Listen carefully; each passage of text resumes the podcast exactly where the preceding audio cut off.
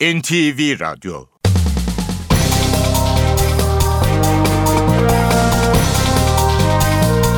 İşe Giderken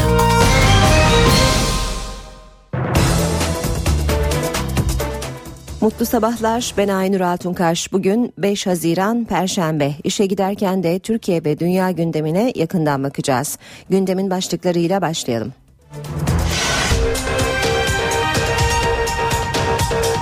İstanbul Gazi Osman Paşa'da gösteri yapan bir grup yoldan geçen belediye otobüsünü yolculara indirdikten sonra ateşe verdi. Göstericiler otobüsü söndürmeye giden itfaiye aracını da yaktı. Diyarbakır'da kale kol inşaatlarını protesto için yolda açılan hendeklerin kapatılması sırasında dün yine olay çıktı. 5 asker yaralandı. Muhalefetin köşk için çatı aday turları bugün de devam edecek. Kılıçdaroğlu ve Bahçeli meslek örgütlerini ziyaret edecek. TÜSİAD Başkanı Muharrem Yılmaz görevinden istifa etti. İç savaşın devam ettiği Suriye'de Beşar Esad üçüncü kez devlet başkanlığına seçildi. Bugün Türkiye'nin tamamında sağanak yağış bekleniyor. Batı bölgelerde sıcaklık 4-5 derece düşecek. Yetkililer su baskını ve taşkın riskine karşı uyardı. İşe Giderken gazetelerin gündemi.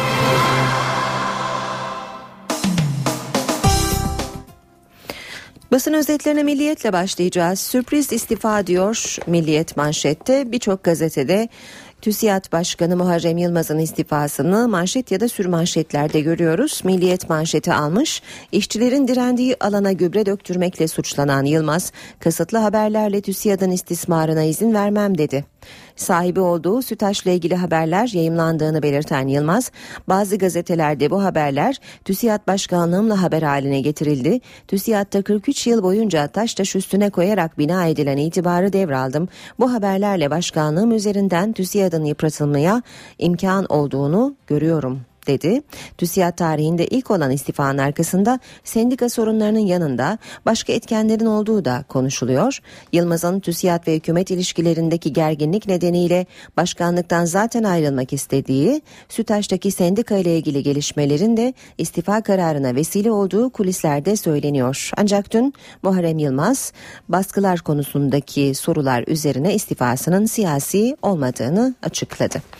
Milliyette sürmanşet dönüşümde İzmir modeli. E, yerel yönetim temsilcileri, yatırımcılar ve medyayı e, buluşturan toplantıda e, konuşulanları Milliyet Gazetesi sür manşetine taşımış. İzmir Büyükşehir Belediye Başkanı Aziz Kocaoğlu en büyük problemin rant paylaşımında çıktığını söyledi diyor gazete. Biz inşaat firmasının maliyeti ve karı dışındaki tüm rantın bölgede yaşayanlara bırakılması taraftarıyız. Kurumlar insana, hemşerilerine hizmet eder. Belediyenin ve hükümetin de karı bu olacaktır olacaktır dedi. Zonguldak'ta ölen madenci can değil mi? Madencilikle ilgili düzenlemeleri içeren yasanın meclis görüşmelerine 2013'te Kozlu'daki faciada ölen işçilerin yakınları girmek istedi. Gerginliğin ardından bir grup temsilci içeri alındı diyor Milliyet. Hürriyete bakalım. İtibar istifası demiş Hürriyet'te iş dünyası Muharrem Yılmaz'ın TÜSİAD'ın başka, e, başkanlığından istifasıyla sarsıldığı şirketi Sütaş'ta işçilere baskı uyguladığı haberleri üzerine ayrılan Yılmaz, TÜSİAD'ın itibarına zarar gelmesine izin vermem dedi. Devam edelim. Ee, Hürriyet'in manşeti dağda çocuk elde silah. PKK çocukların kaçırıldığı ve silahlı eğitim verildiği iddiasını yalanlasa da örgütün sicilinde kamplarda çekilen fotoğraflar var fotoğrafları paylaşmış Hürriyet gazetesi okurlarla.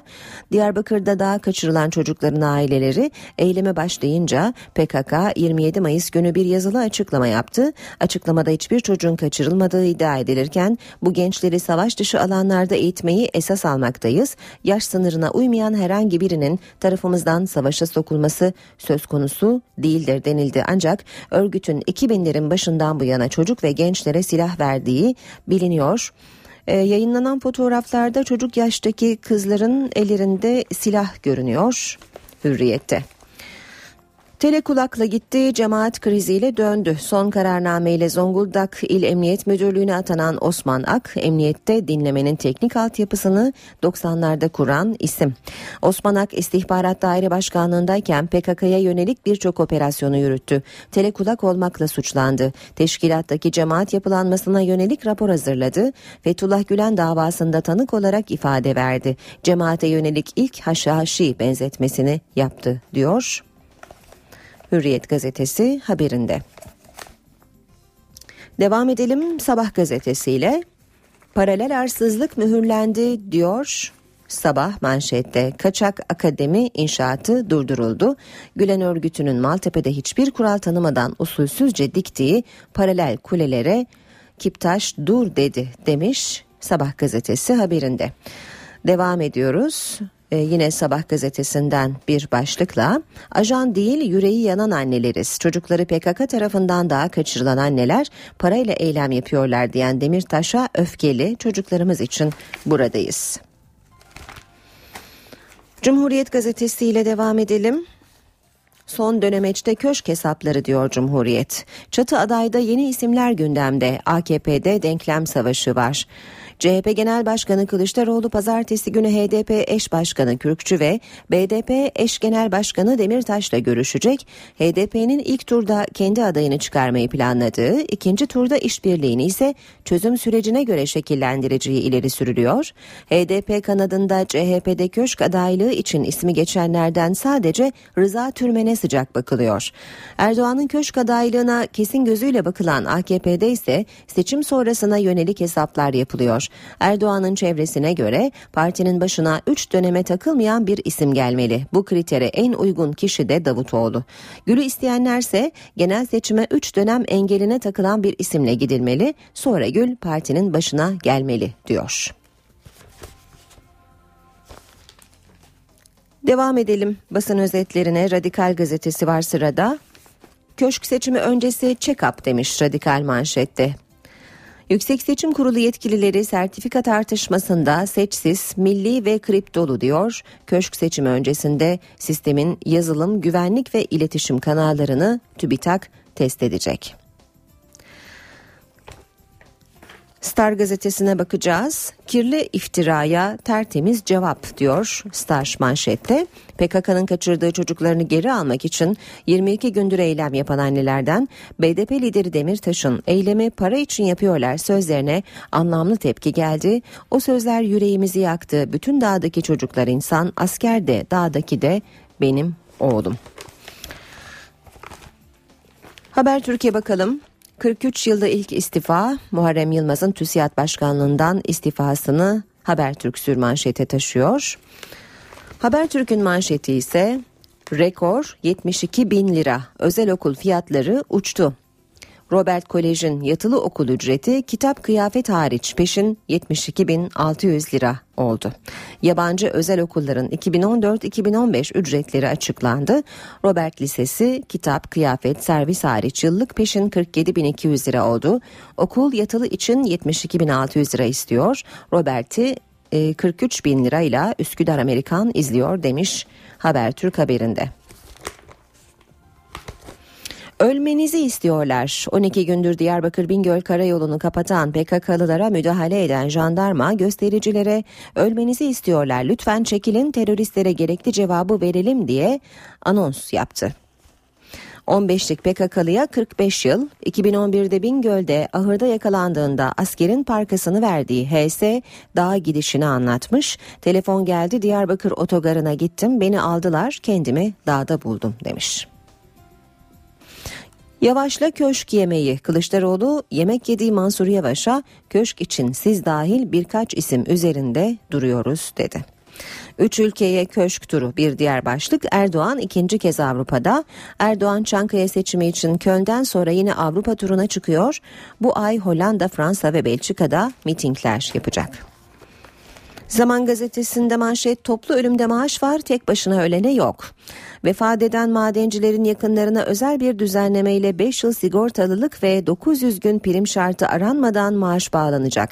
Ancak tasarı Soma mağdurlarıyla sınırlı tutuldu. Oysa iş kazalarında günde ortalama 4, 12 yılda 14 bin kişi hayatını kaybetti. Toplu ölüm olmadığı için kamuoyunun dikkatini çekmeyen bu işçilerin yakınları maaş alamıyor.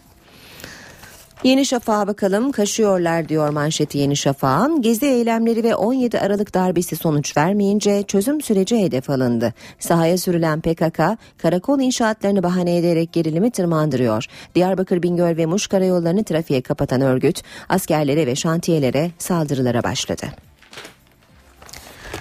Basın özetlerinde yeniden milliyete dönelim. Ee, bir spor haberiyle bitirelim. Ee, futbolda vergi tartışması tarihin en kapsamlı vergi affı tasarısı futbol dünyasında tartışma yarattı. Devlete borcu olmayan Fenerbahçe'nin taraftarı Maliye Bakanı Mehmet Şimşek'i mesaj yağmuruna tutarak tarih bu haksızlığı affetmeyecek dedi. Cezalarıyla birlikte 128 milyon lira borcu olan Galatasaray ise bizim kesinleşmiş borcumuz yok. Uzlaşma süreci devam ediyor. Vergi affı istediğimiz doğru değil diyor.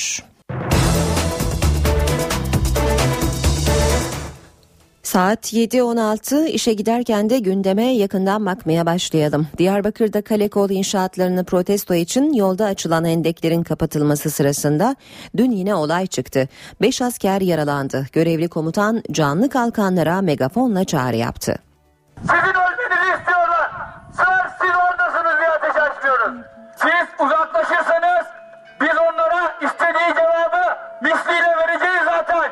Askerin bu anonsu yol kapatma eylemi düzenleyenler için. Diyarbakır'da gerginlik sürüyor. Lice'de göstericilerin Diyarbakır Bingöl Karayolu'nda kazıdığı endeklerin kapatılması sonrasında jandarma ekiplerinin bulunduğu bölgeye ateş açıldı. Olaylar sırasında el yapımı patlayıcı ve havai fişek atılması sonucu 5 asker yaralandı. Göstericilerin terk ettiği çadırlarda yangın çıktı. Bölgedeki kalekol inşaatlarını protesto için iki gün önce Karlıova-Varto karayolunu kapatan gruba müdahale edildi. Jandarma ve özel harekat timleri grubu dağıtmak için gaz bombası ve tazikli su kullandı. Eylemciler güvenlik güçlerine taş ve sopalarla karşılık verdi. Cizre'de de eylem vardı. Nusaybin Caddesi'ni trafiğe kapatan maskeli grup güvenlik güçlerine havai fişek, ses bombası ve molotof kokteyli attı. Ekipler biber gazı ve basınçlı suyla karşılık verdi. Gerginlik sırasında başına gaz kapsülü isabet ettiği iddia edilen 13 yaşındaki Nurullah Can Doruk yaralandı. Olaylar sırasında güvenlik güçleri Cizre Köprüsü'nde piknik tüpüne bağlı bir patlayıcı fark etti. Patlayıcı fünyeyle etkisiz hale getirildi. Diyarbakır Silvan'da yolu kapatan gruba da polis müdahale etti. Polisin plastik mermi kullandığı olaylar sırasında bir gazeteci yaralandı.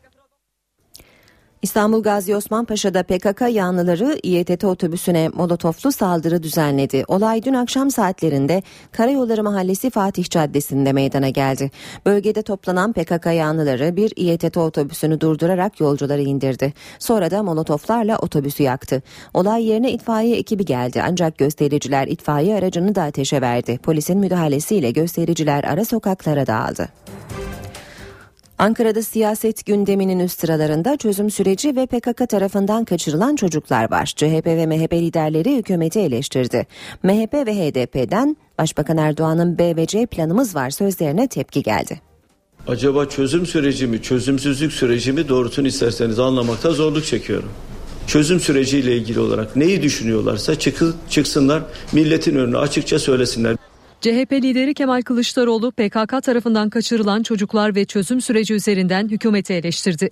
Kılıçdaroğlu'na göre sorumluluk hükümete ait. Çocukların kaçırılmasını savunmak mümkün değildir. Arkasındaki iddiaların ne olduğunu bilmiyoruz. Elimizde herhangi bir veri yok. Sadece bunlar birer iddia. Paylaşırlarsa kamuoyuyla biz de o zaman düşüncelerimizi daha farklı bir çerçevede ifade etmiş oluruz. MHP lideri Devlet Bahçeli ise sürece ilişkin eleştirilerini Twitter hesabından dile getirdi. Eğer devletin yolu kesiliyor, önü kapatılıyor, insanı kaçırılıyor, egemenliği daraltılıyorsa karşımızda çok ciddi bir mesele var demektir diyen Bahçeli, böyle bir devlet daha fazla nefes alamaz ifadelerini kullandı. Kaçırılan çocuklar konusunda BDP eş genel başkanı Selahattin Demirtaş, bazı ailelerin para karşılığı eylem yaptığını savunmuştu. HDP Grup Başkan Vekili İdris Baluken, Demirtaş'ın sözlerine açıklık getirdi. Sayın eş başkanımız çocukları dağa gitmemiş birkaç ailenin istihbarat kurumlarından para almak suretiyle oraya geldiklerine dair ellerinde bilgiler ve belgeler olduğunu ifade etti. Muhalefetin gündeminde Başbakan Erdoğan'ın kaçırılan çocuklar konusunda B ve C planlarımız devreye girer sözleri de var. B ve C planın deyip duruyorsun. Senin A planın var mı ki B ve C planın olsun? Eğer bu süreç bozulursa bu sürecin altında bütün Türkiye kalacaktır. Çok açıkça ifade edelim. Başta da B planı ve C planı olanlar Türk Sanayicileri ve İş Adamları Derneği TÜSİAD'ın başkanı Muharrem Yılmaz istifa etti. Yılmaz sahibi olduğu firmalardaki çalışma koşulları ile ilgili iddialar nedeniyle TÜSİAD'ın yıpratılmasını istemediğini söyledi. İstifamın gerekçesi siyasi değil dedi. Ben TÜSİAD'a zarar gelmesine izin veremem. Ben TÜSİAD'ın başkanıyım. Bunu en çok gözetmesi gereken benim. TÜSİAD'ın itibarına zarar gelmesine ben izin veremem. Bu sebeple TÜSİAD Yönetim Kurulu Başkanlığı görevimden istifa ettiğimi açıklayarak sözlerime başlamak istiyorum. 18 aydır TÜSİAD'ın başındaydı. Sürpriz bir şekilde istifasını açıkladı. Gerekçe TÜSİAD Başkanı Muharrem Yılmaz'ın sahibi olduğu firmalardaki çalışma koşulları ile ilgili iddialardı. Basına yansıyan bazı haberlerde SÜTAŞ'taki sendikalı işçilerin işten çıkarıldığı, işçilerin eylem alanına tezek döküldüğü iddia ediliyordu. İşten çıkarıldıklarını iddia eden arkadaşların iddiaları tek taraflıdır. Bunları kendim de inceleyeceğim. İş yerinde örgütlenme 850 kişiye varan bir sendikal örgütlenme olduğunu bizzat okuduk gazetelerden, sendikacıların beyanından, kendi beyanlarından ben de daha önce de duydum. Şimdi hal böyle olduğunda 20 kişinin, 10 kişinin, 25 kişinin işten sendikaya üye olduğu gerekçesiyle çıkartılması söz konusu değildir. Yılmaz bu iddiaları yalanladı. Bu eleştirilerle aslında başkanı olduğu TÜSİAD'ın yıpratıldığını söyledi. İstifasının ardında siyasi baskı bulunmadığının altını çizdi. Hiçbir TÜSİAD başkanı hiçbir baskı nedeniyle istifa etmez. Muhar Muharrem Yılmaz'ın istifası TÜSİAD tarihinde bir ilk oldu. İstifanın ardından yeni başkan kim olacak sorusu da gündeme geldi. Bu istifa 43 yıllık TÜSİAD tarihinde bir ilk niteliğinde. Ocak 2013'ten bu yana TÜSİAD Başkanı olan Muharrem Yılmaz'ın istifası. Peki bundan sonra nasıl bir süreç işleyecek? Başkanlık koltuğuna kim oturacak? TÜZİ'ye göre yeni başkan için genel kurulun olağanüstü toplanmasına ihtiyaç yok. Yönetim kurulunun toplanıp başkan yardımcılarından birini başkan olarak belirlemesi yeterli. TÜZÜK'te bunun için herhangi bir zaman kısıtlaması da yok. TÜSİAD yönetiminde şu an 3 başkan yardımcısı var. Sabancı Holding'den Haluk Dinçer, Marşen McLennan grubunun yönetim kurulu başkanı Tayfun Bayazıt ve Boydak Holding'den Memnuh Boydak. Mevcut yönetimin süresi 2015 Ocak ayında doluyor. Bu süreç içinde 3 isimden birinin başkan olarak seçilmesi mümkün. Madencilere yeni haklar verilmesini öngören düzenlemenin meclis komisyonundaki görüşmeleri gergin başladı. Zonguldak'tan gelen madenci yakınları da oradaydı.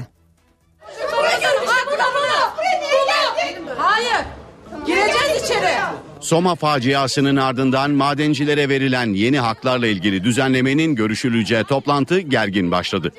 2013 yılında Zonguldak Kozlu'da hayatını kaybeden 8 madencinin ailesi Plan Bütçe Komisyonu'na geldi. Aileler hayatını kaybeden 301 işçinin ailelerine tanınan hakların kendilerine de tanınmasını istedi. 301 kişi vefat etti Soma'da. Onlar da bizim kardeşimiz. Onlara hak tanınıyor. Bizim çocuklarımıza Zonguldak'ta maden yerindekilere hak tanınmıyor. Aileler komisyona alınmayınca tansiyon yükseldi. Hayır biz de gideceğiz. Hayır. Salona lütfen. Biz de gideceğiz. Ben kayınpederimi eşimi kaybettim. Siz nereden geliyorsunuz? Zonguldak'tan. Ben de zannettim ki Soma'dan geliyorsunuz da. Zonguldak'tan. Zonguldak'tan. Zonguldak'ta can değil mi? Hepsi can. Hep onları Niye da. bizi o zaman öncelik Bakın, tanımıyor? Bizi niye tanımıyorsunuz? Tanıyoruz. Aralarından birkaç kişi alacağız. Komisyon başkanının aileleri toplantıya almasıyla gerginlik sona erdi. Komisyonda Ulaştırma, Denizcilik ve Haberleşme Bakanı Lütfi Elvan, Soma faciasının ardından atılan adımları anlattı. 301 madencimizin 234'ünün 632 hak sahibine ölüm geliri ve ölüm aylığı bağlama işlemleri tamamlanmıştır. Soma'da hayatını kaybeden madenci şehitlerimizin Sosyal Güvenlik Kurumu'na olan her türlü borçlarını siliyoruz. Maden kanunu başta olmak üzere kamu alacaklarına af getiren düzenlemenin de yer aldığı torba kanun alt komisyona sevk edildi. Meclis gündemindeki taşeron işçilik tasarısına itiraz eden 3 konfederasyon taleplerini Başbakan Erdoğan'a anlattı. Toplantıda konfederasyonların itiraz ettiği 5 maddenin kurulacak bir komisyonda tekrar ele alınması kararlaştırıldı. Uzun seneler sonra ilk defa 3 konfederasyon bu konuda aynı noktada beraber hareket ediyoruz ki hareket edeceğiz beraber. Üç büyük işçi konfederasyonu Türk İş, Hak İş ve Disk, taşeron işçilikle ilgili düzenlemeye itirazlarını Başbakan Recep Tayyip Erdoğan'a aktardı. Türk İş Başkanı Ergün Atalay tasarının tekrar gözden geçirileceğini anlattı. Maliyeden zannediyorum Grup Başkan Vekili Sayın Canikli, Salih Kapusuz'un da olduğu Çalışma Bakanlığı'ndaki bir ekiple beraber bizim 3 konfederasyon içinde bulunduğu bir heyetle bu akşam zannediyorum tespit edecekleri bir yerde bununla ilgili bir komisyon kuruldu. 3 konfederasyon 59 maddelik tasarının 5 maddesine itiraz ediyor. Sendikalar, taşeron işçilerin toplu sözleşme haklarından yararlanması için getirilen düzenlemelerin eksik ve yetersiz olduğunu savunuyor. Ayrıca tasarının çalışanlara toplu sözleşme hakkı sağlamayan bir düzenleme olduğunu belirterek bunun düzeltilmesini istiyor. Üç konfederasyonun ortak itiraz noktalarından bir diğeri ise yardımcı işlerin belirlenmesi konusunda Bakanlar Kurulu'na yetki verilmesi. Sendikalar hükümetin bu konuda karar alıcı olmasını sakıncalı buluyor. Sendikalara göre tasarıyla asıl işlerin bir kısmının alt işverene verilebilmesinin önü açılıyor. İtiraz edilecek maddelerden biri de bu olacak. Muhalefetin köşk için çatı aday turları dün de sürdü. CHP ve MHP liderleri sivil toplum kuruluşlarını ziyaret etti. İki lider de nasıl bir cumhurbaşkanı istiyorsunuz sorusuna yanıt aradı. Muhalefetin köşk turları sürüyor. CHP lideri Kemal Kılıçdaroğlu, Hak İş, Mazlum ve Türkiye Odalar ve Borsalar Birliği'ni, MHP lideri Devlet Bahçeli ise TESK ve Türk İş'i ziyaret etti. CHP lideri Kılıçdaroğlu, sivil toplum kuruluşu temsilcilerine nasıl bir cumhurbaşkanı istediklerini sordu. Seçildikten sonra herkesin evet bu benim cumhurbaşkanım olabilir diyebileceği bir aday çıkarmak istiyoruz. Toplumsal uzlaşmadan aradığımız budur. Uzlaşma sağlayacak bir aday çıkarmayı hedeflediklerini söyledi. Biz bir cepheleşme anlayışı içinde değiliz. Büyük bir toplumsal uzlaşmayı sağlamak istiyoruz. Cepheleşme anlayışı içinde Cumhurbaşkanlarının belirlenmesi doğru bir tavır değildir. MHP Genel Başkanı Devlet Bahçeli ise temaslarının ardından MHP'nin aradığı çatı adayı tarif etti. Bir şahsiyette bütünleşebilir isek oluşturduğumuz isim Milliyetçi Hareket Partisi'nin olmazsa olmaz adayı ve ondan başkasına oy vermeyiz mantığıyla şekillenmiş bir aday olmayacaktır. Zamanı geldiği vakit açıklamasını inşallah yapacağız. Bahçeli, toplumun tamamının benimseyeceği bir ismin köşke çıkması gerektiğini söyledi. Yüzde 51 ile 49'u mukayese ederek Cumhurbaşkanlığı makamındaki hizmeti değerlendirirsek adalet yoksunluğu 49'u öfkelendirir, 51'i sevimli kılar. Bahçeli ve Kılıçdaroğlu'nun görüşmeleri bugün de devam edecek. Eski Şişli Belediye Başkanı Mustafa Sarıgül Cumhurbaşkanı seçiminde çatı aday arayışına karşı olduğunu söyledi. Ortak adaya kimsenin destek vermeyeceğini savundu. Londra'da açıklama yapan Sarıgül, 30 Mart seçim sonucuyla ilgili bir soruya da CHP içinde yeni baştan bir örgütlenme yapılıp sandıklara sahip çıkılması şarttır yanıtını verdi. İstanbul Gazi Osman Paşa'da gösteri yapan bir grup yoldan geçen belediye otobüsünü yolcuları indirdikten sonra ateşe verdi. Göstericiler otobüsü söndürmeye giden itfaiye aracını da yaktı. Diyarbakır'da kale kol inşaatlarını protesto için yolda açılan hendeklerin kapatılması sırasında dün yine olay çıktı. 5 asker yaralandı. Muhalefetin köşk için çatı aday turları bugün de devam edecek. Kılıçdaroğlu ve Bahçeli meslek örgütlerini ziyaret edecek. TÜSİAD Başkanı Muharrem Yılmaz görevinden istifa etti. İç savaşın devam ettiği Suriye'de Beşar Esad üçüncü kez devlet başkanlığına seçildi. Bugün Türkiye'nin tamamında sağanak yağış bekleniyor. Batı bölgelerde sıcaklık 4-5 derece düşecek. Yetkililer su baskını ve taşkın riskine karşı uyardı.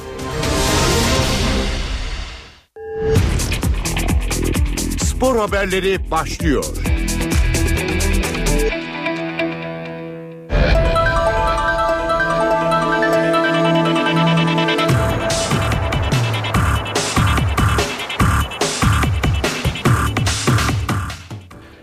Günaydın ben Ayhan Aktaş spor gündeminden gelişmelerle birlikteyiz. Galatasaray Başkanı Ünal Aysal, teknik direktör Roberto Mancini'nin geleceğiyle ilgili önemli açıklamalarda bulundu. Mancini'nin göreve devam edip etmemesi konusunda karar vermesi için boyun 15'ine kadar zamanı bulunduğunu belirten Aysal, transfer çalışmalarıyla ilgili de bilgi verdi ciddi e, şeylerim var. Galatasaray Başkanı Ünal Aysal teknik direktör Roberto Mancini'ye ayrılması konusunda açık kapı bıraktı. Kulüp televizyonu açıklamalarda bulunan Başkan Aysal, Mancini'nin fikrini 15 Haziran'a kadar değiştirme hakkı var. Mancini bizim yabancı kısıtlamamızı biliyor. Bütçemizin sınırlarını biliyor. Kendisinin de bir takım hedefleri var. Tamam mı devam mı onun kararıdır dedi. Transfer çalışmaları ile ilgili de bilgi veren Başkan Ünal Aysal, devre arasında kadrolarını fazlasıyla genişlettiklerini, bu dönemde daha az transfer yapacaklarını söyledi. 12 ya da 13 oyuncuyu başka kulüplere kiralamak istediklerini belirten Başkan Ünal Aysal, yabancı sayısını mutlaka düşürmeleri gerektiğine dikkat çekti. İsmi Galatasaray'la anılan Balotelli için teknik direktör Mancini ile görüştüğünü söyleyen Başkan Aysal, Kendisi çok iyi bir oyuncu. Onu beğeniyorum ama Galatasaray'ın oyun kurgusu için hocamızla da görüştüm. Balotelli'nin yeri olmadığını söyledi dedi. Aysal Galatasaray'ın gündemine gelen Olcan, Gökhan Töre, Turgut Doğan Şahin ve Mevlüt Erdinç ile ilgili değerlendirmelerde de bulundu. Trabzonspor'un Olcan'ı satmak istemediğini hatırlatan Başkan Aysal, kulübün onayı olmadan futbolcuyla asla görüşmeyeceklerini vurguladı. Gökhan Töre için önceliğin Beşiktaş'ta olduğunu belirten Başkan Aysal, Mevlüt transferiyle ilgili ise Mevlüt için ön görüşme yapıldı. Olumlu yönde ilerliyoruz dedi. Bir yabancı ve iki yerli oyuncuyla transfer sezonunu kapatmak istediklerini belirten Başkan Aysal, yabancı santrfor alabiliriz ama önceliğimiz kanat ve stoper mevkileri diye konuştu. Transfer etmek istedikleri oyuncularla ilgili bilgiler veren Ünal Aysal, Rodolfo ya da eşdeğer bir futbolcu olursa Mancini çok mutlu olur. İlla Rodolfo demiyor. Onun kalitesinde bir isim istiyor. Rodolfo ve Astori dışında iki isim daha var. Elimizdeki imkanlarda rahatlama olursa o zaman bir yabancı daha alırız ifadelerini kullandı. Başkan Aysal futbolcular için henüz hiçbir kulüpten transfer teklifi almadıklarını, Dünya Kupası'ndan sonra hareketlenme beklediğini sözlerine ekledi. Fenerbahçe Caner Erkin'le masaya oturmaya hazırlanıyor. Tarafların bugün bir, bir araya gelmesi bekleniyor. Fenerbahçe'de Caner Erkin sorununun çözümü için adım atılıyor. Sarı lacivertli kulübün başkanı Aziz Yıldırım milli takımdan dönen yıldız futbolcuyla masaya oturacak. Süper Lig'de geride kalan sezonun yıldızı olan Caner Erkin'in milli takım kampında olması nedeniyle oyuncu adına görüşmeleri menajeri Batur Altıparmak sürdürüyordu. Sarı lacivertli oyuncunun kamptan dönüşüyle birlikte Başkan Aziz Yıldırım yıldız oyuncuyla birebir görüşmek istedi. İki tarafı da bir araya getirecek bu zirvede transferin büyük ölçüde sonuçlanması bekleniyor. Başkan Yıldırım milli oyuncuya Gökhan Gönül'le aynı şartları teklif edecek. Caner Erkin Fenerbahçe'de kalmak istediğini açıklasa da tecrübeli oyuncunun milli takım kampında Avrupa'da oynayan arkadaşlarıyla sık sık fikir alışverişinde bulunduğu biliniyor. Fenerbahçe'de transferi tamamlanan Diego Ribas içinse 30 Haziran tarihi bekleniyor. Sarı lacivertli yönetim Diego transferini yabancı kontenjanını boşalttıktan sonra resmen açıklayacak. Atletico Madrid'le sözleşmesi 30 Haziran'da bitecek oyuncu için bu tarihten önce başka bir girişimde bulunulmayacak. Ve Beşiktaş iki oyuncusunun sözleşmesini uzattı. Oğuzhan Özyakup 2018'e, Necip Uysal da 2019'a kadar siyah beyazlı formayı giymeye devam edecek. İki oyuncu imza sonrası mutluluklarını dile getirdi. Beşiktaş yönetimi takımın iskeletini korumak amacıyla iki genç oyuncusunun sözleşmelerini şartlarını iyileştirerek yeniledi. Siyah beyazlar Oğuzhan'la 4 yıllık yeni mukavele yaptı. 2018'e kadar Beşiktaş forması giyecek yıldız oyuncu yıllık ücretini 1 milyon 400 bin euroya çıkardı. Beşiktaş yönetimi altyapıdan yetişen Necip Uysal'la da 5 yıllık yeni sözleşme imzaladı ve genç oyuncunun alacağı yıllık ücret 900 bin euroya yükseltildi. Yönetimle yapılan toplantının ardından ikinci başkan Ahmet Nur Çebi ile Oğuzhan Özyakup ve Necip Uysal duygularını paylaştı. İçin Beşiktaş camiasını çok sevdiği, taraftarın da çok sevdiği çocuklar, genç çocuklar, genç futbolcularımız bunlar. Beşiktaş'a daha uzun yıllar e, hizmet etme kararı bugün verdiler. Biz de arzu ettik ve e, yola devam kararı aldık. Hayırlı olsun. Önceden belirtmiştim bu camiada şampiyonluk yaşamak istiyorum. Çok büyük şeyler yaşamak istiyorum ve inşallah da e, bu formayı giymek bana e, uzun seneler daha nasip olur. Benim burada 11. senem bu. Ee, inşallah bu bu e, mukaveleyle bir 17 sene 18 sene olacak. Futbolda burada bırakmayı düşünüyorum Allah'ın izniyle. Olcan Adın Trabzonspor yönetimine beni bırakın dedi. Başkan İbrahim Hacı Osmanoğlu ile dün bir araya gelen yıldız oyuncu takımdan ayrılmak istediğini iletti. Ancak Olcan başkandan olumsuz yanıt aldı.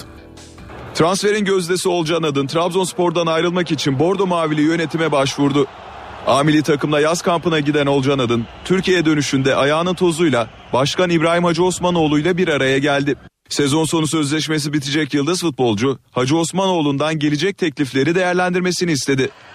Olcan görüşmede kulübüme para kazandırmak istiyorum. Transferim için kolaylık sağlayın dedi. Başkan İbrahim Hacı Osmanoğlu ise önümüzdeki sezon iyi bir kadro kurmak için çalışıyoruz. Seni de bu kadroda görmek istiyoruz diyerek Olcan'a gitmesi için izin vermedi. İzmir'in köklü futbol kulüplerinden Göztepe el değiştirdi. İmza töreni sonrası NTV Spor'a konuşan kulübün yeni sahibi Mehmet Sepil, Göztepe'yi alarak bir hayalini gerçekleştirdiğini söyledi. Göztepe kulübü el değiştirdi. Kulübü 2007 yılında tasarruf mevduatı sigorta fonundan 1 milyon 305 bin lira bedelle alan Türkiye'nin önde gelen bir holdingi hisselerini bir başka şirkete devretti. Düzenlenen törenle Spor Toto ikincilikte mücadele eden İzmir Kulübü Göztepe'nin yeni sahibi Başkan Mehmet Sepil oldu. Tarihi bir günü yaşadıklarını dile getiren kulübün eski sahibi Vakkas Altınbaş, Göztepe Kulübü'nün satıldığı şeklinde bir algı kesinlikle olmasın. Bu tamamen bir bayrak değişimidir ifadelerini kullandı.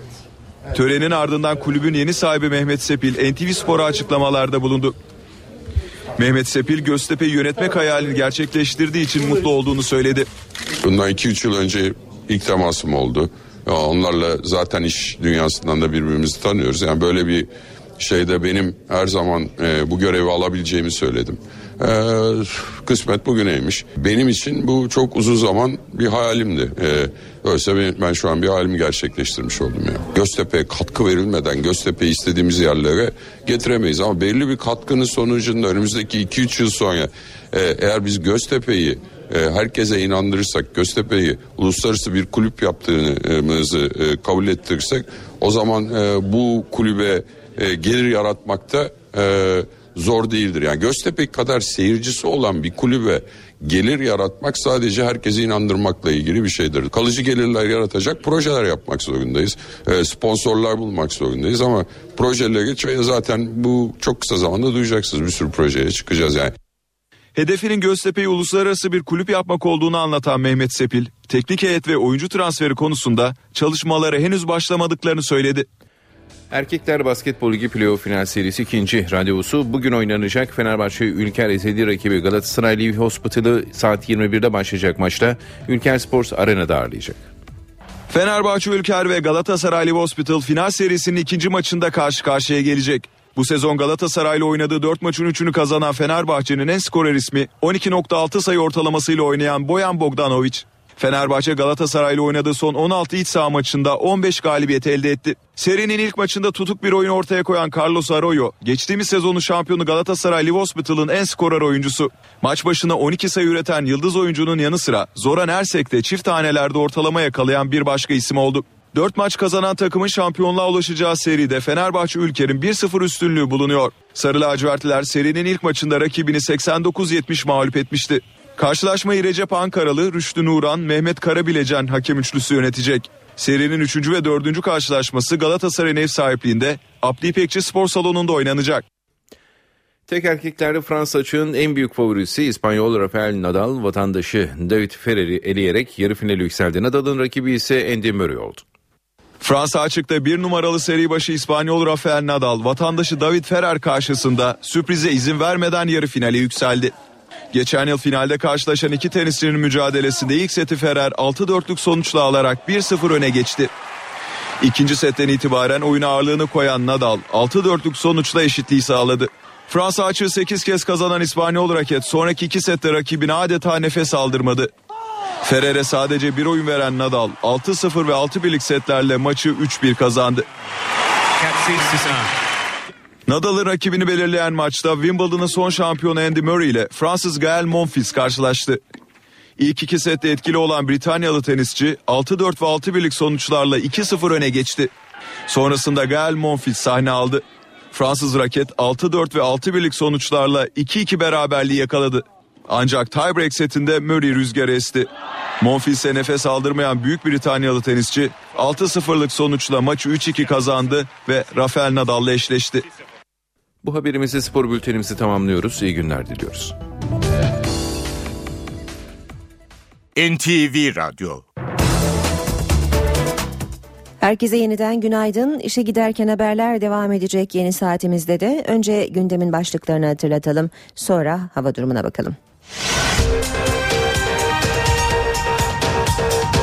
İstanbul Gazi Osman Paşa'da gösteri yapan bir grup yoldan geçen belediye otobüsünü yolcuları indirdikten sonra ateşe verdi. Göstericiler otobüsü söndürmeye giden itfaiye aracını da yaktı. Diyarbakır'da kale kol inşaatlarını protesto için yolda açılan hendeklerin kapatılması sırasında dün yine olay çıktı. 5 asker yaralandı. Muhalefetin köşk için çatı aday turları bugün de devam edecek. Kılıçdaroğlu ve Bahçeli meslek örgütlerini ziyaret edecek. TÜSİAD Başkanı Muharrem Yılmaz görevinden istifa etti. İç savaşın devam ettiği Suriye'de Beşar Esad üçüncü kez devlet başkanlığına seçildi. Bugün Türkiye'nin tamamında sağanak yağış bekleniyor. Batı bölgelerde sıcaklık 4-5 derece düşecek. Yetkililer su baskını ve taşkın riskine karşı uyardı. Şimdi Gökhan Abur'la son hava tahminlerini konuşacağız. Hoş geldiniz, günaydın. Günaydın. Yağışlar yeniden kuvvetleniyor ülkemizde. Özellikle batıda sıcaklıklar da düştü. Nerelerde etkili yağışlar olacak? Evet e, aslına bakarsan bugün bütün Türkiye'de yağış var ama şu an itibariyle batıdaki yağışlar yer yer kuvvetli olarak devam ediyor. Özellikle Kuzey Ege'de, Balıkesir, Balıkesir merkezde ve Balıkesir özellikle Bandırma arasında, Çanakkale'nin Biga ilçesi başta olmak üzere Çanakkale'de Aynı şekilde e, Trakya'da yağışlar var ve bunlar İstanbul'un batı ilçelerinde şu anda etkisi altına almış durumda. Güney Ege'de yağışlar bugün kuvvetlenecek. Şu an itibariyle Aydın'da, Denizli'de, Uşak'ta, e, Muğla'da yağış var. Önümüzdeki saatler içinde bu yağışlar Batı Akdeniz bölgesinde etkisi altına alacak ki şu anda zaten Fethiye'de yağış başladı. Karadeniz bölgesinin batı kesimlerinde Zonguldak Düzce arasındaki bölgede hafif yağış geçişleri görülürken önümüzdeki saatler içinde İç Anadolu bölgesinin batısındaki yağışlar giderek kuvvetlenecek. Özellikle Eskişehir'de başlayacak yağışın Eskişehir-Konya arasında kuvvetlenmesini bekliyoruz ve akşama doğru havanın soğumasıyla özellikle Karabük, Çankırık, Kastamonu ve hatta Ankara'nın kuzey ilçelerinden başlayarak Sinop ve Ordu'ya kadar olan bölgede yağışların daha da kuvvetlenmesini bekliyoruz. Evet e, yarın kıyı Ege'de yağışlar etkisini kaybedecek. Önümüzdeki saatler içinde kıyı Ege'deki yağışlar kuvvetlenecek ama yarın etkisini kaybetmesini bekliyoruz. Özellikle bugün yine İzmir Muğla arasında gök gürültülü sağanaklar geçişleri görülecek. Öğle saatlerden itibaren dün keşişlemeydi. Bugün ise karayel yönlü rüzgar yine Bodrum açıklarında kuvvetli esecek 50 kilometrenin üzerine çıkabilir hızı. Denizciler ve balıkçılar bölgede olan ve bölge sakinleri dikkatli ve tedbirli olmalı. Evet yağışlar ara vermiyor. Cuma günü için yani yarın da iç kesimlerde Akdeniz'de İç Anadolu'nun güneyinde kuvvetli sağanaklar görülecek. Yurdun diğer kesimlerinde aralıklı yağışlar var. Cumartesi günü Güneydoğu'da yağış etkisini kaybedecek. Trakya'da yağış hafifleyecek ama e, Karadeniz, İç Ege ve Doğu Anadolu'nun kuzeyinde hafif yağışlar görülürken Akdeniz, İç Anadolu'da yer yer kuvvetli sağanaklar etkisini sürdürecek. Pazar günü aralıklarla yağış geçişleri var. Sıcaklıklar hafta sonu bugüne göre birkaç derece yükselecek ama bugün batı özellikle Marmara ve İstanbul'da sıcaklıklar düne göre 4-5 derece azaldı. Henüz evden çıkmadıysanız ona göre tedbirli olun. Mutlaka yanınıza şemsiye alın çünkü İstanbul'du büyük bir metropol. Dolayısıyla her an her yerde Her yerde olabilir evet. Evet. Peki Gökhan Abur teşekkürler. Gündemin ayrıntılarıyla devam edelim. TÜSİAD Başkanı Muharrem Yılmaz bu görevinden istifa etti. Gerekçe Yılmaz'ın grup başkanı olduğu SÜTAŞ'la ilgili iddialar. TÜSİAD'dan yapılan açıklamada Yılmaz'ın istifa gerekçesi şirketiyle ilgili medyada yer alan haberlerin TÜSİAD'ın itibarına zarar vermesini engellemek olarak açıklandı.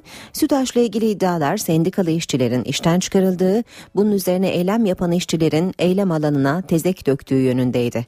Basın toplantısı düzenleyen Muharrem Yılmaz bu iddiaları gerçek dışı olarak nitelendirdi ve TÜTAŞ'a dair haberlerin başkanı olduğu TÜSİAD'a zarar verdiği gerekçesiyle TÜSİAD başkanlığından ayrıldığını açıkladı. TÜZİ'ye göre yeni başkan için genel kurulun olağanüstü toplanmasına ihtiyaç yok. Seçilmiş olan yönetim kurulunun toplanıp başkan yardımcılarından birini başkan olarak belirlemesi yeterli olacak. CHP'nin Başbakan Erdoğan hakkında verdiği soruşturma komisyonu kurulması önergesi meclis başkanlığından döndü. Meclis başkanı önergeyi CHP'ye iade etti. Gerekçe önergede başbakanla oğlu Bilal Erdoğan arasında geçtiği iddia edilen ses kayıtlarına yer verilmesi. Meclis Başkanı Cemil Çiçek, CHP'nin Başbakan Recep Tayyip Erdoğan hakkında soruşturma komisyonu kurulması için verdiği önergeyi iade etti. Gerekçe Önergeye konulan Başbakan Erdoğan'la oğlu Bilal Erdoğan arasında geçtiği iddia edilen telefon konuşma dökümleri. Meclis Başkanlığından yapılan açıklamada anayasanın 22. maddesine göre haberleşmenin gizliliği esastır. Ayrıca konuyla ilgili olarak İstanbul Cumhuriyet Başsavcılığınca yürütülen bir soruşturma olduğu bilinmektedir. Bu itibarla ilgili önergenizde yer verilen söz konusu içerikle önergenin areniyetine ilişkin işlemlerin anayasa ve TCK hükümlerini ihlal edebileceği değerlendirilmektedir denildi. Sayın Cemil Çiçek'in böyle bir yetkisinin olduğuna inanmıyorum. Yasalar böyle bir yetkinin olmadığını e, açıkça belirtiyor.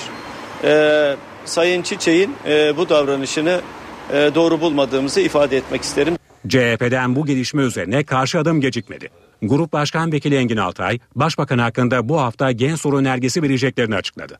Biz gerekirse Başbakan için bu kapsamda bir gen soru önergesi vereceğiz. Bunun iş düzeye göre 10 gün içinde görüşülmesi gerekiyor.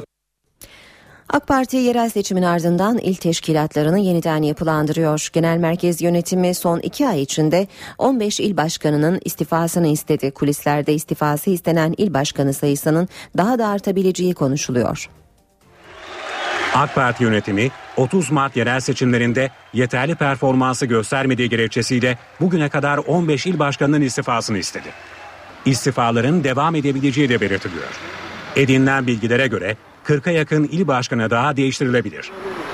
Son iki ay içinde istifa eden il başkanları arasında Ankara, İzmir, Diyarbakır gibi büyük illerin yanı sıra Bartın, Kırıkkale, Tekirdağ, Hatay, Kars, Bolu, Nevşehir, Şırnak, Mersin, Iğdır, Ardahan ve Yalova bulunuyor.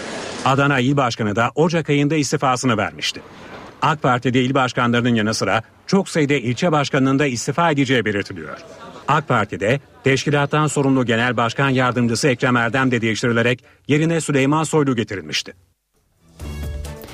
Yalova'da yenilenen yerel seçimlerde belediye başkanı seçilen CHP'li Vefa Salman mazbatasını aldı. Salman, hedefim bütün kentin belediye başkanı olmak dedi.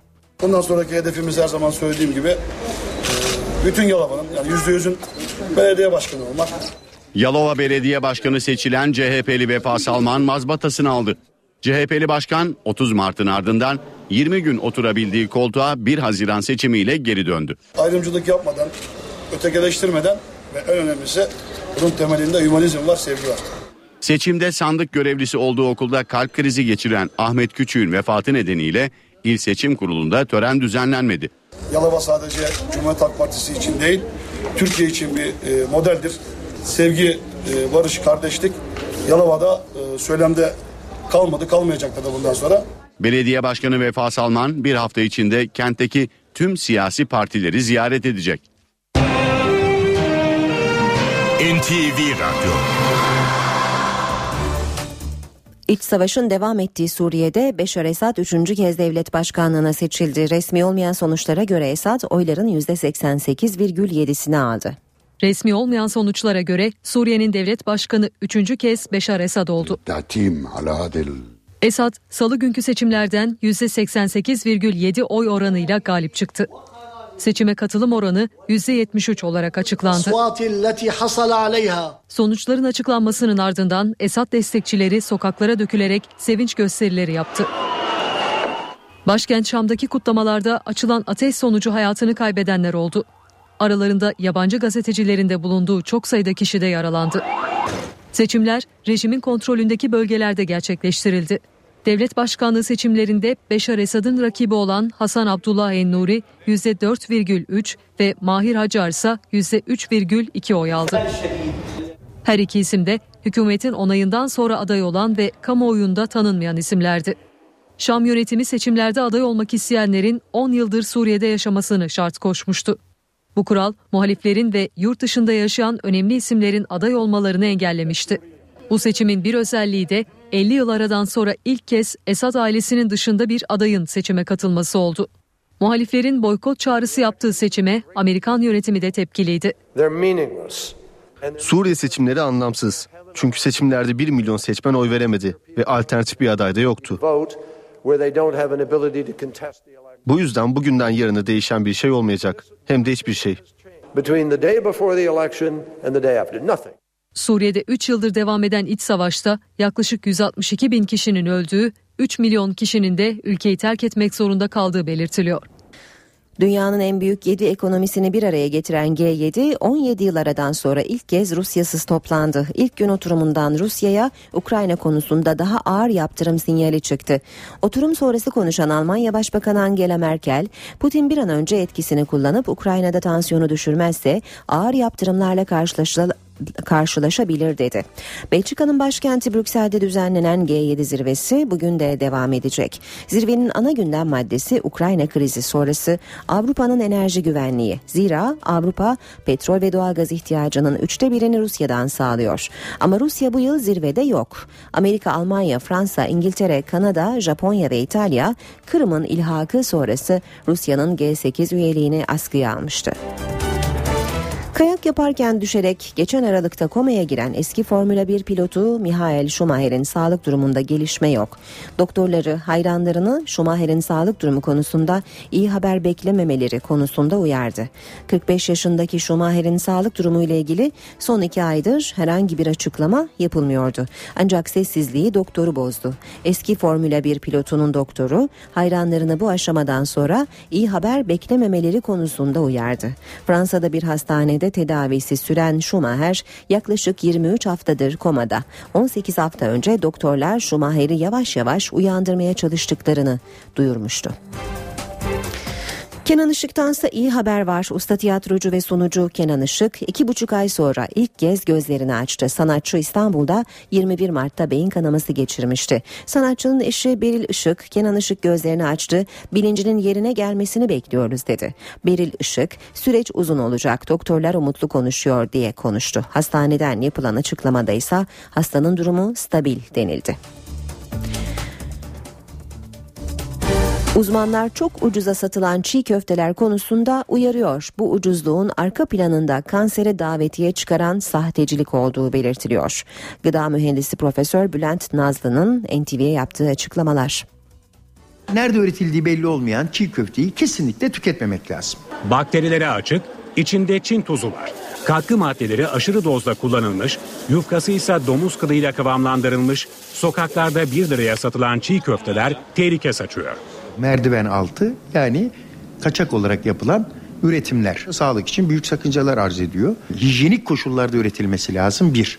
İkincisi biliyorsunuz monosodyum glutamat, küfler ve de aflatoksinler, kanserojen küf toksinleri. Bir de patojen mikroorganizmalar. Çiğ köftenin içinde küflenmiş baharatlar kansere neden oluyor. Bakterilerse bağırsak ve mide hastalıklarına. Ve Çin tuzu. O da özellikle çocuklarda bağımlılık yapıyor. E, bağımlılık da yapıyor aynı zamanda çok daha zararlı etkileri var. Bu etsiz çiğ köfteler nasıl bu kadar lezzetli olabiliyor piyasada? Nasıl bu kadar satılabiliyor ve değişik fiyatlarda? Her şeyde bir şeyler koyalım. Ne yiyecekler çocuklar? Çok esneyen ve kolay kopmayan yufkaya dikkat. Domuz kılından elde edilen kıvam artırıcıyla pişirilmiş olabilir. Yani pek dayanmıyor. Çabucacık gidiyor. Esnemiyor yani. Esnemiyor. Şimdi bu sistein olayı bunun kıvamını arttırmak için ve kolaycık kopmaması için kullanılan bir madde. Ördekten de yapılabiliyor, insan saçından da yapılabiliyor ve aynı zamanda da domuz kılından. Uzmanlara göre sağlıklı üretilmiş bir çiğ köfteyle sahtecilerin elinden çıkan çiğ köfteyi gözle de tadına bakarak da anlamak mümkün değil. Ya kendisi evde yapacak, mercimekten bile yapıyorlar biliyorsunuz sadece bulgurdan değil. Her gittiği yerde, bilmediği yerde çiğ köfte yemeyecek. Çözüm denetimlerin artırılması. Bu tür işletmeler devamlı izlenebilir olmalı, devamlı denetlenmeli ve bunun sürekliliğinin sağlanması gerekir. Başkent gündemiyle devam edeceğiz saat 8.20. E, TÜSİAD Başkanı Muharrem Yılmaz'ın e, istifası bakalım bugün Ankara'da nasıl yankılanacak? Yanı sıra muhalefet liderlerinin de e, köşk adayı için turları devam edecek. Ayrıntıları soracağız. NTV muhabiri Miray Aktağ olacak. Miray seni dinliyoruz. Günaydın Aynur. TÜSİAD Başkanı'nın istifasının ardından yaşanan gelişmeler ve e, siyasilerden gelecek olan yorumlar. Cumhurbaşkanlığı seçimi bu kapsamda e, liderlerin yürüttüğü köşk turları çözüm süreci PKK tarafından kaçırıldığı iddia edilen çocuklar ve mecliste görüşmeleri devam eden düzenlemeler. Başkent Ankara gündemi yine bu başlıkların etrafında toplanıyor. Ankara'nın gündemini aktarmaya liderlerin programıyla başlayalım. Başbakan Erdoğan 6 ilde yapımı tamamlanan katı atık ve düzenli depolama tesisinin toplu açılış törenini başkentte yapacak ve o törende gündeme ilişkin mesajlar verecek. Muhalefet liderleri ise bugün yine mesajlarını Cumhurbaşkanlığı seçimine yönelik turlar sırasında vermeyi sürdürecekler. CHP Genel Başkanı sabah erken saatlerde İstanbul'a hareket ediyor. Türk Konfet ve Türk Tabipler Birliği'ni ziyaret edecek. TÜSİAD'la bir görüşmesi planlanıyordu. O görüşmede bir iptal söz konusu olabilir. Çünkü dün bir istifa geldi. MHP lideri Devlet Bahçeli de Türkiye Ziraat Odaları Birliği, Türkiye Kamusen, Türkiye Odalar ve Borsalar Birliği ile bugün ziyaretlerine devam edecek. Türkiye Büyük Millet Meclisi'ne gelince genel kurulda bugün yeni yargı paketinin maddeleri üzerindeki görüşmeler devam ediyor. Dün gece 5. E, maddeyi tamamladılar. Bugün 6. maddeden devam edecek Meclis Genel Kurulu. Düzenleme kadın ve çocuğa şiddet, cinsel istismar, hırsızlık ve uyuşturucu suçlarına yönelik ciddi ceza artırımları öngörüyor ve Yargıtay Kanunu'nu da baştan aşağı değiştiriyor. Soma faciasını araştırma komisyonu bugün de toplantısına devam ediyor. Dün ilk toplantısını yapmıştı ve o toplantıda 301 işçinin hayatını kaybettiği madende incelemelerde bulunma kararı almışlardı. Bugünse çalışma programlarını belirleyecek komisyon e, kurum ve örgütleri dinleyecekler. Hangi kurum ve örgütleri dinleyecekleri, hangi uzmanlarla bir araya geleceklerini bugünkü toplantısında netleştirecek Soma Araştırma Komisyonu ve sonunda bir rapor da hazırlayacaklar. Bu çalışmalar sonunda Başkent Ankara gündeminden öne çıkan başlıklar bunlar. Bizler de gün boyunca bu başlıkları Ankara'dan aktaracağız Aynur. Miray teşekkürler. Başkent gündemini Miray Akta Uluş'tan aldık. Şimdi ekonomi başlığıyla devam edeceğiz. Ayşe teyze ne yapsın köşesinde bugün Profesör Güngör Uras yurt içi seyahat tercihlerinden ve maliyetinden bahsedecek. Ayşe teyze ne yapsın? Güngör Uras, Ayşe teyze ekonomide olan biteni anlatıyor. Merhaba sayın dinleyenler, merhaba Ayşe Hanım teyze, merhaba Ali Rıza Bey amca.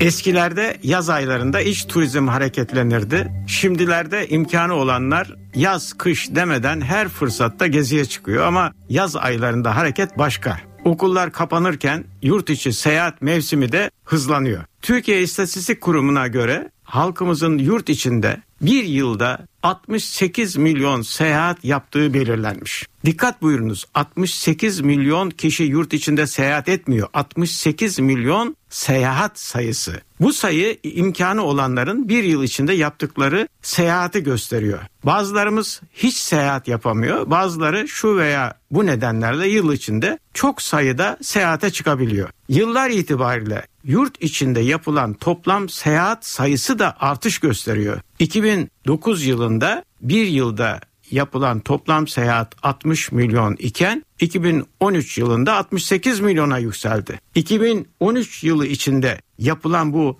68 milyon seyahatin 12 milyonu yılın ilk 3 aylık döneminde, 16 milyonu ikinci 3 aylık döneminde, 26 milyonu 3.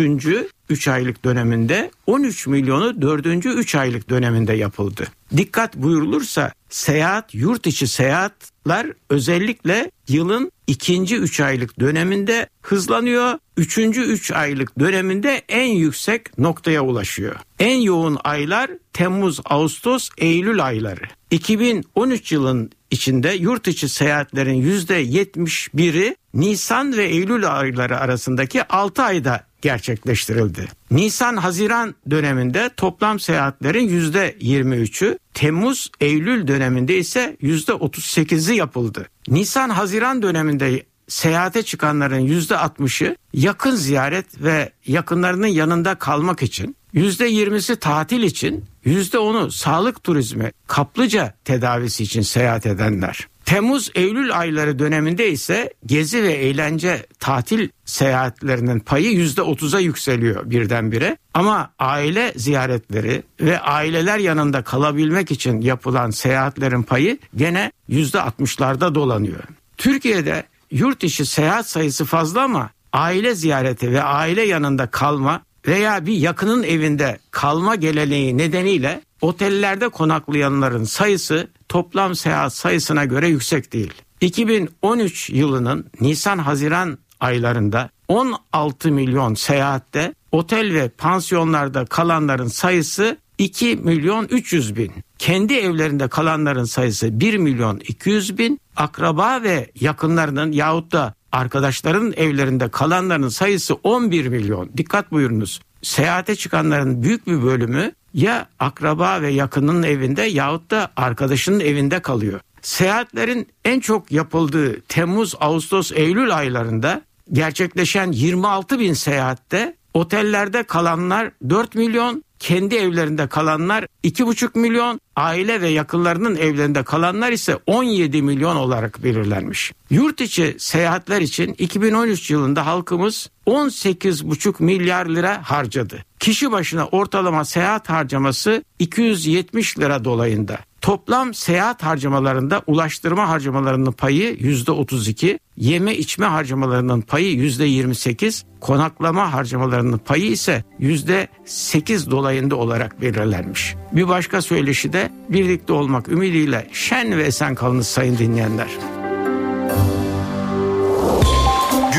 Uras'a sormak istediklerinizi ntvradio.ntv.com.tr adresine yazabilirsiniz.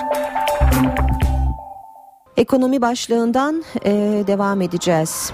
Piyasalarda e, dün gün sonuna bakalım. E, piyasalarda e, dün yaklaşık olarak e, 433 puanlık e, bir kayıp vardı. BIST 100 endeksi 78.384 puanla günü tamamladı. Bu sabah serbest piyasada dolar 2 lira 11 kuruş, euro 2 lira 88 kuruştan işlem görüyor. Euro dolar 1.36, dolar yen 103 düzeyinde. Altına da bakalım. Uluslararası piyasada altının onsu 1243 dolar. Kapalı çarşıda ise külçe altının gramı 85, çeyrek altın 149 liradan satılıyor. Brent petrolün varili 108 dolar. Emrah Kayalıoğlu'yla işe giderken spor.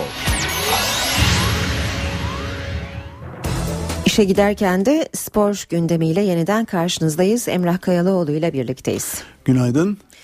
Dünya Kupası'nı konuşmaya devam ediyoruz. Kupa e, şampiyona başlamadan önce grupları değerlendiriyoruz. Bugün C grubunda e, kimler var bakalım? Kolombiya, Yunanistan, Fil Dişi Sahili ve Japonya.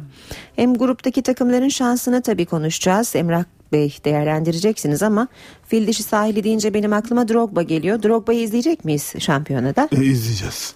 İzleyeceğiz. Sadece Drogba da değil yani e, Fil Dişi ya bizim açımızdan Drogba'nın takımı gibi bakıyoruz. E, ama yani dünya Manchester artık yavaş yavaş Manchester City'yi şampiyon yapan Yaya Toure'nin takımı diyor. Hmm. Yani orada yani tamam Drogba elbette hala ve hala çok çok önemli bir oyuncu. Ama e, Yaya.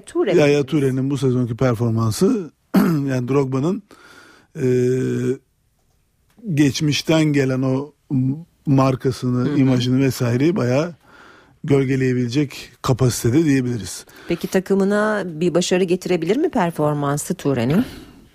Yani Toure yani deyim yerindeyse Manchester City'yi neredeyse tek başına şampiyon yaptı. Ee, İngiltere gibi birlikte bu çok kolay bir şey değil. Hatta hiç kolay bir şey değil.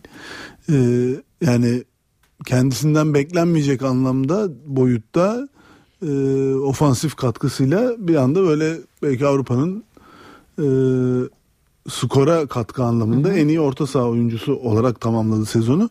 Ee, özellikle ondan beklenmedik bir e, performans olduğu için bu tabii fark yaratan bir unsur olarak bir anda sivrildi. Ee, ama yani fil dişi takımıyla ilgili olarak e, şunu söyleyebiliriz. Yani geçmişte daha iyi bir takımdı fil dişi aslında. Yani 2006 Dünya Kupası yani üçüncü kez geliyorlar zaten. 2006'da geldiler, Hı hı. 2010'da geldiler, bir de buna geliyor. Üçüncü kez üst üste geliyorlar. 2006'da geldiklerinde e, Arjantin, Hollanda ve Sırbistanlı grupta yer aldılar. Yani o kupanın ölüm grubuydu Evet zaten. evet öyleymiş. 2010'da geldiler Brezilya, Portekiz E, o da olan gruba grubu. geldiler. Şansı yokmuş. Ee, yani her iki kupada da üçüncü olup elendiler gruptan çıkamadılar. Şimdi Bu grupta kim çok dengeli, peki? çok dengeli bir grup bu grup. Ee, yani hakikaten belki de tahmin yapmanın e, en zor olduğu grup diyebiliriz. Ee, bir de yani fil dişinin kadrosuna baktığınızda yani sadece Drogba yok. Ofansif anlamda yanında Kalu oynayacak. Gervinho gibi iyi bir kanat oyuncuları var. Ee, Yaya Toure dışında savunmada Kolo Toure var. Ee, hani Galatasaray'daki performansı son dönemde tartışılan Ebue var kadroda ama e, oynar oynamaz e, orası yani soru işareti tabii. E, yani ama yine de baktığınızda çok e, potansiyeli özellikle ön tarafta yüksek bir kadro hücum tarafında. E, ama Dünya Kupası e, çok başka bir organizasyon. Yani Dünya Kupası'nda Afrika takımlarının zaman zaman çıkışları oldu. E, ama yani bunlar çok öyle uzun soluklu olmadılar. Fil dişi için de bir şey yapacaksa zaten bu kupada yapacak artık. Hı hı. Grubu da nispeten daha önceki iki katılımına göre daha kolay. E, ama yapabilir mi derseniz yani e, dengeli bir grupta olmak eğer performansınızı üst düzeye çıkarabilirseniz sizi bu gruptan yukarıya atar. E, ama e, vasat bir performansla da bir anda e, dördüncü sıraya kadar da atabilirsiniz. Evet. Yani e, o anlamda yani bu grubun içinde şu dört takımın içinde hangisi e, işte performansını 70'lerde değil de 80'lerde 85'lerde tutarsa e, onun bir avantaj sağlayabileceğini düşünüyorum. E, yani grubun Yunanistan mı acaba grubun favorisi ya da en aslında şanslısı? Ka- Kolombiya olurdu grubun Öyle mi? favorisi. Evet yani beklenmedik bir şekilde belki söylüyoruz ama Neden? şimdi dediğim gibi çok denk takımlar var burada. E, kağıt üstünde en güçlü takım Kolombiya ama Falcao yok. Hmm. Falcao yetişemedi. E, yani e, dizinden bir sakatlığı vardı. E, daha önce de yine e, forvetlerinden Valencia'nın e, fitness sorunu sebebiyle Dünya Kupası kadrosunda olamayacağı açıklanmıştı. E, şimdi Falcao çok dünyanın önde gelen forvetlerinden biri yani 2009'da River Plate'den Porto'ya geldiğinde 5,5 milyon euroluk bir bonservis ücretiyle geldi.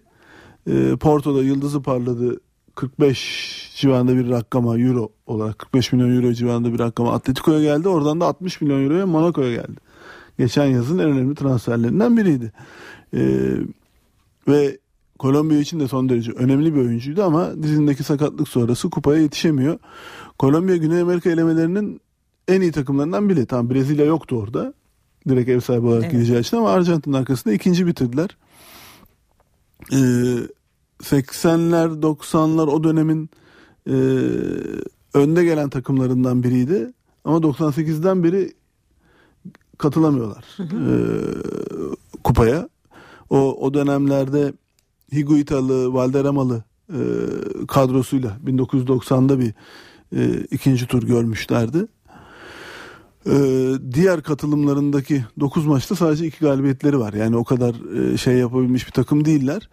Kolombiya tarafında şimdi tabii yani e, hem Falcao'nun hem Valencia'nın olmaması elbette önemli ama baktığınızda yani e, Trabzonspor'dan tanıdığımız Teofile Gutierrez var. Forvet'te muhtemelen bu yoklukta zaten iş ona kalacak. E, Porto'dan Avrupa futbolunu takip edenlerin iyi bildiği Jackson Martinez var. E, bunlar ön taraftaki ikili olur. Bunların arkasında James Rodriguez var. Yine Monaco'da oynuyor. Falcao'nun takım arkadaşı. Ofansif orta saha diyebiliriz. Savunmaları çok İtalyan ligi ağırlıklı. Ee, işte ne bileyim Atalanta'dan Yepes, Napoli'den Zuniga ilk akla gelen isimler. Ee, Mondragon var mı? Var. Mondragon kadroda var. Ee, 43 oldu. 43 yanlış yaşındaymış, hatırlamıyorsam. evet. 43 yaşında. Ee, yani birinci kaleci olur mu sanmıyorum. Ee, ama kadroda olması şey bir de oynarsa ile hakikaten Bizi de gülümseten bir şey olacak. Evet, o anlamda olacak. bizim yani dikkatle takip edeceğimiz takımlardan biri daha olacak. Ee, Kolombiya ile ilgili teknik direktörleri Jose Pekerman, ee, Arjantin'in bir teknik adam. Futbol severler 2006'da Arjantin'in başından hatırlayabilirler. Ee, altyapılarda çok büyük başarıları imza attı. Arjantin'le 3 kez U20'de dünya şampiyonluğu yaşadı. Ee, sonra da A milli takım başına geldi. 2006'da Dünya Kupası finallerine geldi. Ee, orada ki teknik adamlık hamleleri çok eleştirilmişti. 2006'da özellikle Almanya maçındaki oyuncu değişiklikleri, takımı e, oynattığı futbol, o çeyrek finalde öndeyken kaybetmeleri e, orada hakikaten e, şimdi şeyi hatırlıyorum o dönemin e, özellikle yani Güney Amerika'daki e, yankılarını e, futbolculuğunu erken bir sakatlıktan dolayı noktalıyor e, futbolcu kariyerini Pekerman ve sonra ailesini geçindirmek için taksi şoförlüğü falan da yapıyor. Ee, E, o dönemde şeylerde e, gazetelerde falan bu yönde eleştiriler vardı. Taksi şoföründen teknik adam olur mu falan gibi. E, oraya kadar falan gitmişti iş. E, ama yani sonrasında özellikle dediğim gibi altyapılarda yani bu 2006 Dünya Kupası'nın öncesinde e, çok önemli başarılarla oraya kadar gelmiş bir isim. Kolombiya'ya da e, özellikle bu grup elemelerinde sergilediği performans sonrası iş Kolombiya vatandaşlığı almasına kadar falan geldi. Kahraman mı olmuş? Kahraman oldu yani o bir anda.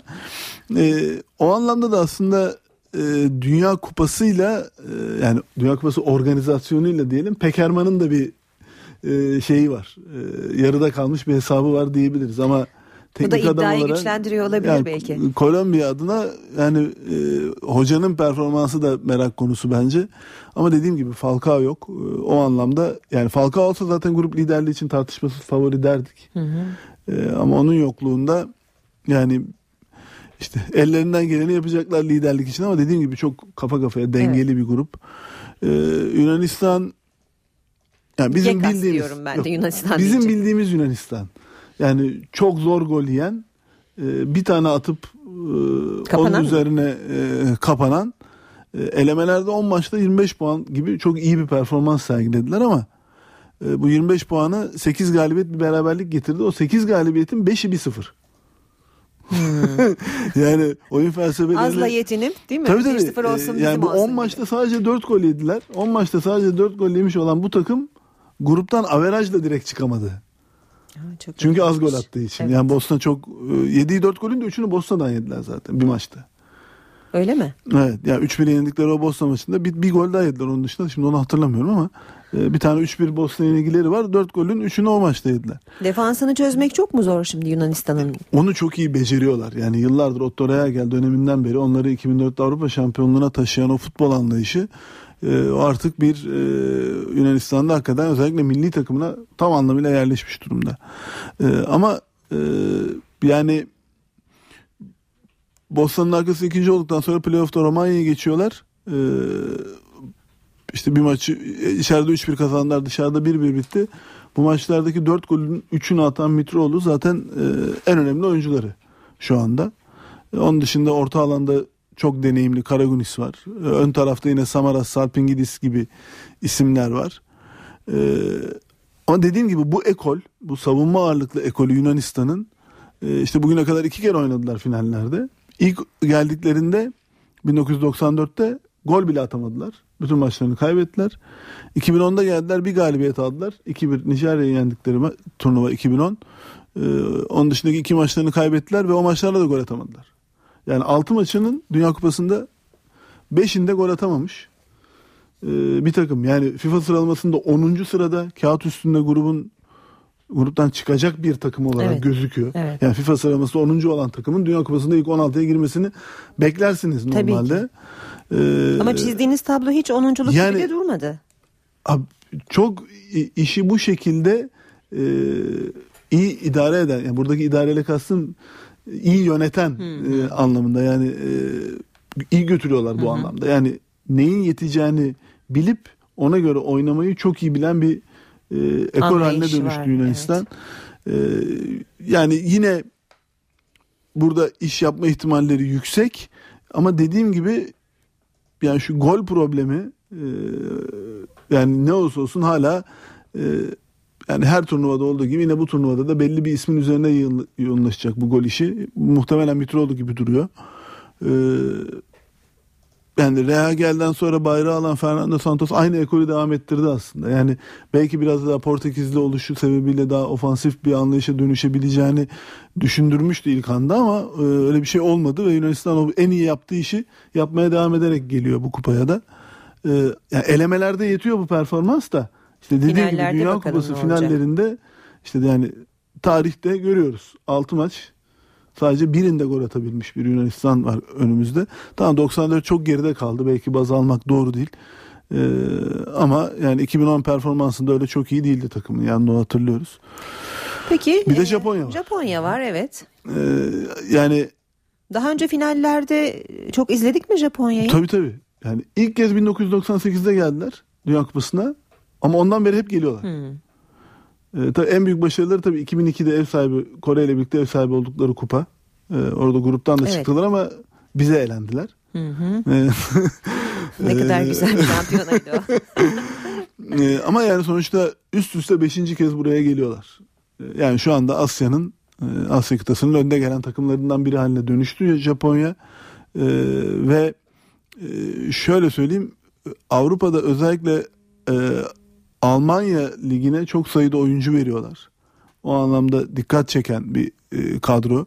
Teknik Ee, direktörleri tanıdık galiba Evet da. Zaccheroni yönetiminde e, 2010'da gelmişti takımın başına e, Dünya Kupası'ndan sonra. E, en başta bir uyum sorunu yaşadılar. E, kötü sonuçlar da aldılar ama artık onu aşmış gibi duruyorlar. E, yani Zaccheroni e, önemli bir teknik adam E, ve İtalyan teknik adamların bu e, taktiksel e, anlamda takımlarına mutlaka mutlaka bir artı değer kattıklarını söyleyebiliriz. E, yani Zaccheroni'de de bu var. Oyuncu olarak tabii Japonya e, çok böyle isimlerini ezbere bildiğimiz oyuncular değil ama yani bir Honda'yı Milan'da oynuyor artık. Onu ofansif orta saha oyuncusu. Onu hemen hemen herkes tanıyor. Kagawa Manchester United'da forma giyiyor. Ee, Okazaki. Okazaki var. Mainz'da oynuyor Almanya'da. Ee, Nagatomo var. Inter'de oynuyor. Uchida var. Schalke'de oynuyor. Özellikle Nakatomo, Nagatomo ve Uchida savunmanın e, önemli isimleri. Kagawa ile Okazaki de forvetleri. Hemen arkalarında da Honda. Hatta onu bile forvet sayabilirsiniz. Ee, böyle bir takım böyle bir isimlerden kurulu bir takım.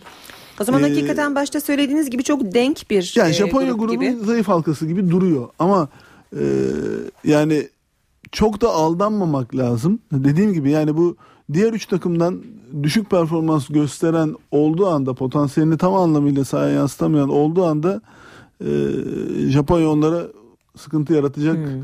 potansiyele sahip bir kadro. Onun için çok dengeli e, bir grup E, ama yani gönlümden geçeni sorarsanız yani futbol mantığında Yunanistan çıkar. E, yanında da Kolombiya mı? yani ya benim gönlümden yani Mondragon'la Drogba var. E, ama ben yine de Drogba'lı takımın devam Fil dişi. etmesini, fil dişin devam Evet. etmesini yani gönlümden geçen sonuç yani bir mantığımla bir gönlümden bir takım ekleyeyim öyle diyeyim. Yunanistan'da fil dişi dişi dediniz diyeyim o yani. zaman. Peki. Ee, bitti süremiz. Ee, 10.30'daki yayınımızda da spor gündeminden diğer başlıkları konuşacağız. Konuşmak üzere tekrar görüşmek üzere hoşçakalın. Hoşçakalın. NTV Radyo